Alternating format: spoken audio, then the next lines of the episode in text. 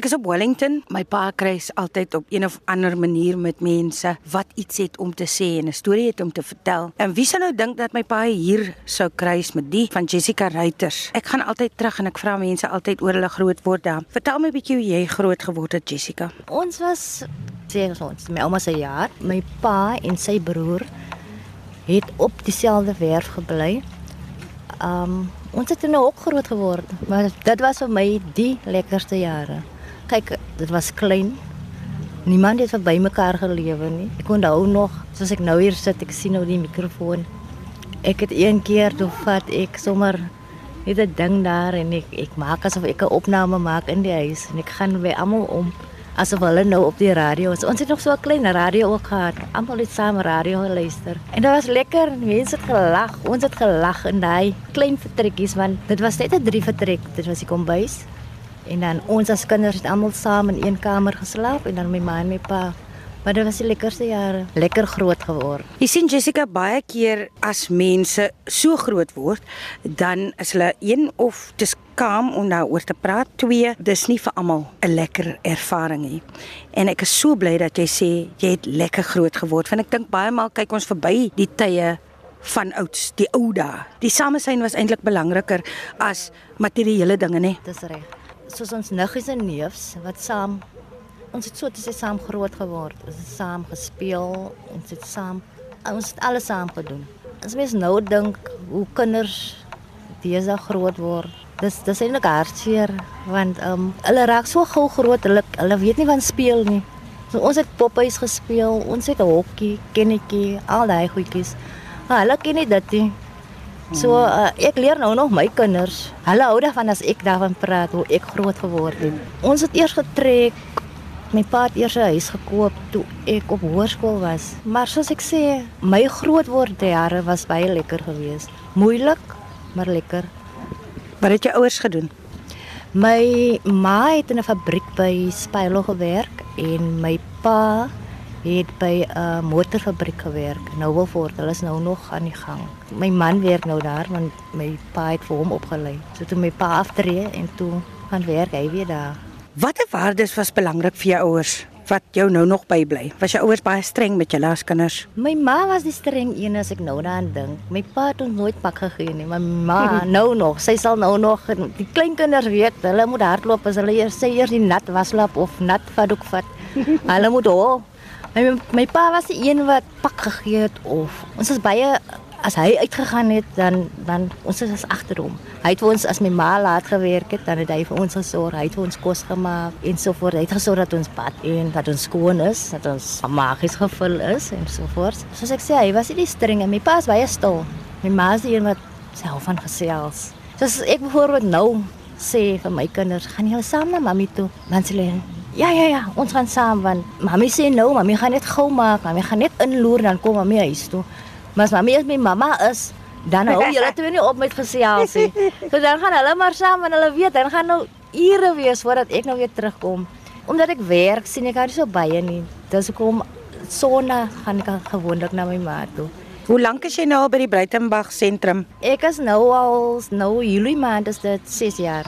Voordat ek by die sentrum of voordat ek die werk wat ek nou doen, voordat ek daar beland het, het ek eers 'n kursus in silkscreen gedoen. Dit is ehm um, drukwerk op ehm um, lap tafeldoeke, kussingslope enige iets. Toe ons daai kursus klaar gemaak het, het ek in Fahima winkle.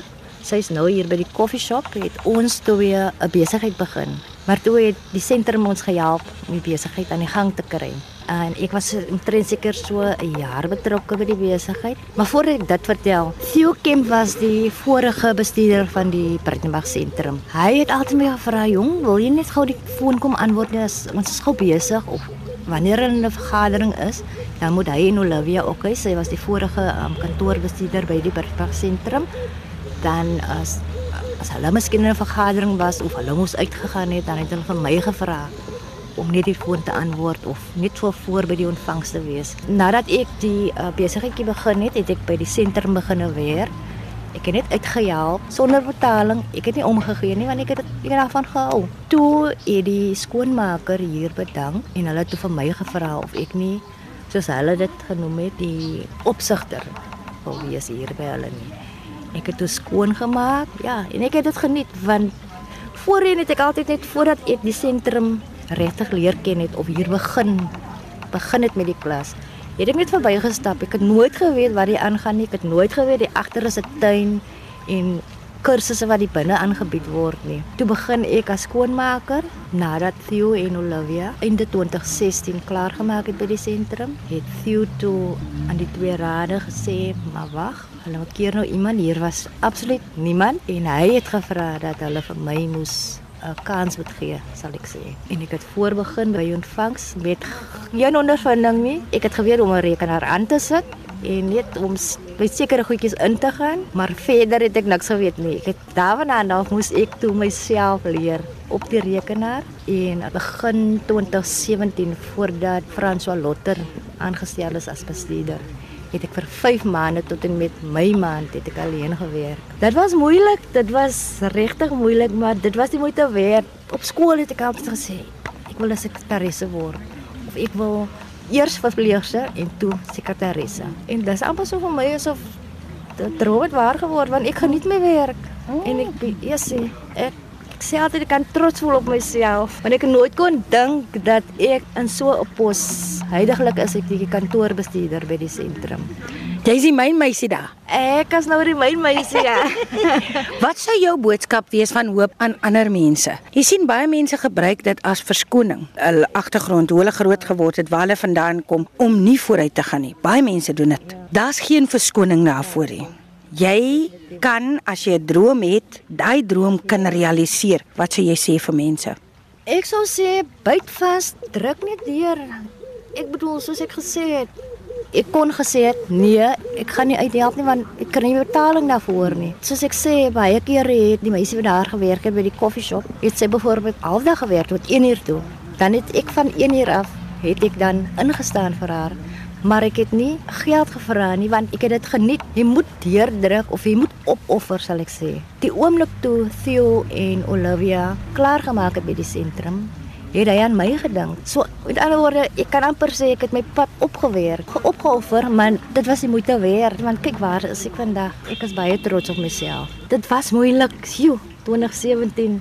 Jy sien, maar baie het gesê hulle waardeer wat ek gedoen het en ek het net met 'n doel gewerk. Ek het gedink, dit is my kans. Wat dit gryp dit aan. En jy het vir niks jou neus opgetrek nie. Vir absoluut niks. Ek onthou nou skielik Geyria Fredericks het die uh drama hier gedoen. Iemand het eendag in my kantoor by haar gesit en sy het nog vertel van um, sy het nou 'n ander uh projek. Sy het op haar eie projekte begin en so voort. Sy was ook een van die drama studente hier. En toe het sy nog so gekla van die mense wat dink hulle is hoër of beter as ander mense. Toe noem sy dit vir die persoon, ek kan nou nie onthou wie dit was nie. Sy noem dit toe aan die persoon. As sy 'n voorbeeld kan maak, sal sy my gebruik as voorbeeld. Want ek was 'n cleaner. Ek is nou 'n kantoorbestuurder, maar ek is nog steeds dieselfde dis dieselfde persoon. Baie mense dink omdat hulle 'n hoër pos het as hulle beter as ander maar dis nie die geval nie. Nie ek nie. Maar ek dink seker omdat ek dit werk so geniet dit is lekker om te kom werk. Sou jy nog graag steeds verpleegster wou word? Mm, nee. Glad nie. Nee ek het baie geleer by die sentrum. Baie mense sal hier kom dan sê hulle vir my sjoe is hom gelukkig om in so 'n plek te werk Dan sê ek ja, dit is so. Ek is baie gelukkig.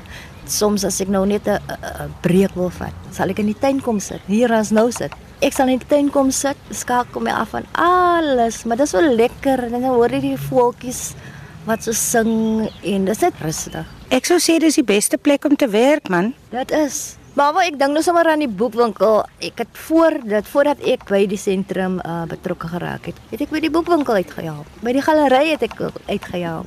Hulle sê altyd hoe sê hulle um all around check of all trades ja. So ek kan enige plek in die sentrum sal ek uithelp. Die ander ding van die sentrum wat dit so lekker maak is as ek byvoorbeeld 'n breek vat of net vinnig wil uitgaan. Ons is so 'n groot familie hier. Mm. Dan sal ek gou vir Esther luister net gou vir my oor die foon asseblief so ons staan eintlik in vir mekaar. Dis as ek ook sê dis dis is een groot familie hier by die sentrum. Dit is baie lekker. Jy's 'n geseënde mens. Ek is baie nie 'n bietjie nie, baie.